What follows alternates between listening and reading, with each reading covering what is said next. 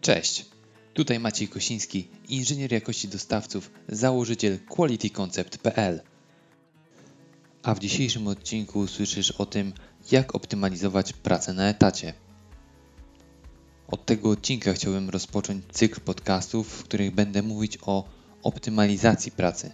Chciałbym Wam przekazać najbardziej istotne aspekty optymalizacji z uwzględnieniem tego, co ja używam i co mi się sprawdziło. Usłyszysz dzisiaj o tym, jak podzielić 8 godzin pracy na konkretne etapy oraz o umiejętnym korzystaniu z kalendarza, wykorzystując opcje, o których z pewnością nie słyszałeś. Zapraszam. Zacznę jednak od tego, co oznacza dla mnie optymalizacja. Przede wszystkim chodzi o oszczędność czasu, którą mogę przeznaczyć na inne tematy, a idąc dalej staje się bardziej efektywny w oczach pracodawcy. Nie myśleliście kiedyś przypadkiem, dlaczego ktoś obok wykonując te same zadania robi to szybciej niż wy? Chociaż jesteście już wdrożeni i wiecie, co macie robić? Jestem przekonany, że to jest właśnie dobry moment, aby zastanowić się trochę, i tutaj mam raczej na myśli dłuższą chwilę, nad sposobami, co i jak można robić, aby zoptymalizować swoją codzienną pracę na etacie.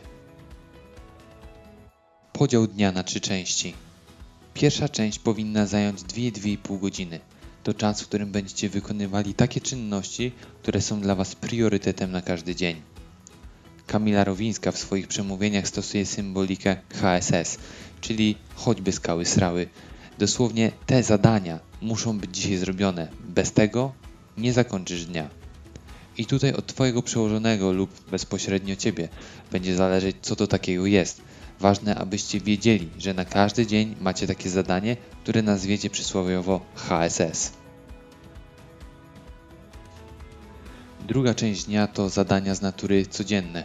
Na to przeznaczacie 3-4 godziny. Są to obowiązki, które są waszą częścią dnia, czyli wizyta na przykład na produkcji, spotkania, tylko z klientem, dostawcą. Trzecia część dnia to taka, w której poświęcicie od 1,5 do 3 godzin, w zależności od natłoku pozostałych dwóch części. Ta ostatnia część jest to część, w której będziecie odpisywać na maile, w których wasza praca ograniczy się do prostej komunikacji i nie będzie od was wymagać wielkiego zaangażowania. Jest to część, w której wasz mózg nie jest już chętny do wymagających zadań. Przy każdym przejściu z części dnia postaraj się zrobić przerwę, czy to kawową, czy obiadową. Ma to być wyraźny sygnał dla Twojego mózgu, że teraz będzie coś innego, mniej wymagającego. Celem takiego podziału jest zrozumienie, że Twoja praca nigdy nie będzie wyglądać tak, że pracujesz 110% przez 8 godzin. Im szybciej to zrozumiesz i świadomie zamoderujesz swój dzień, tym szybciej osiągniesz sukces i będziesz dowodzić zadania. Kalendarz. Niezwykle ważne narzędzie, które musisz opanować do perfekcji. Zacznij od wprowadzenia w kalendarzu podziału z punktu pierwszego. Wrzuć w kalendarz przerwy, chodzi mi głównie o taką kawową, obiadową.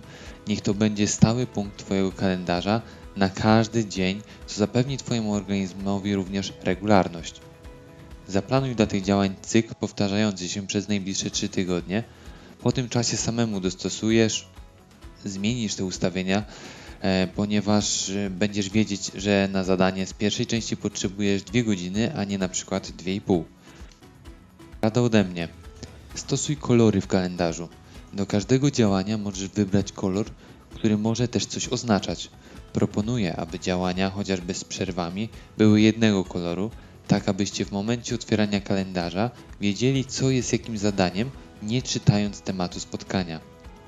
Będąc przy kolorach, postaraj się oznaczać na przykład na czerwono zadania, które są priorytetem na każdy dzień. Jeżeli jest to turbo ważne spotkanie, wrzuć na nim kolor czerwony. To pozwoli Ci myśleć o tym spotkaniu i też nie zapomnieć się do niego dobrze przygotować. Częste spotkania występujące w kalendarzu.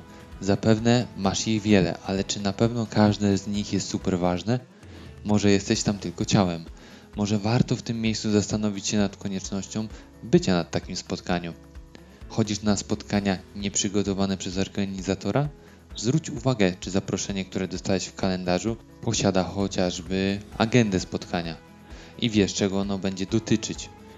Jeśli nie ma agendy, zwróć się bezpośrednio do organizatora i spytaj, czy Twoja obecność jest kluczowa, bo Ty w tym czasie masz inne zadania o wyższym priorytecie. Pamiętaj, że nie każde spotkanie należy akceptować.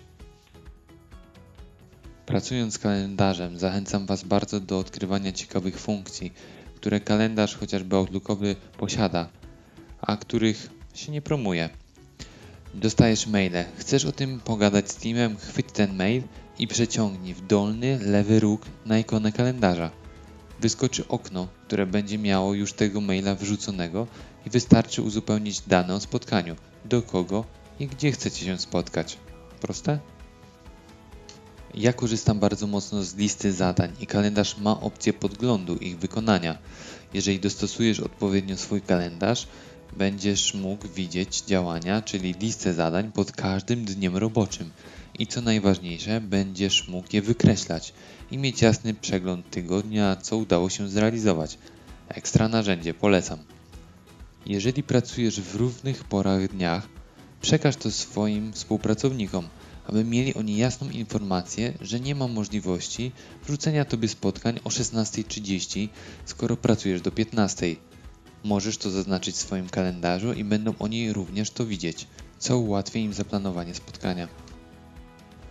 Wyświetlając kalendarz z lewej strony pojawia się informacja, że jest to Twój kalendarz.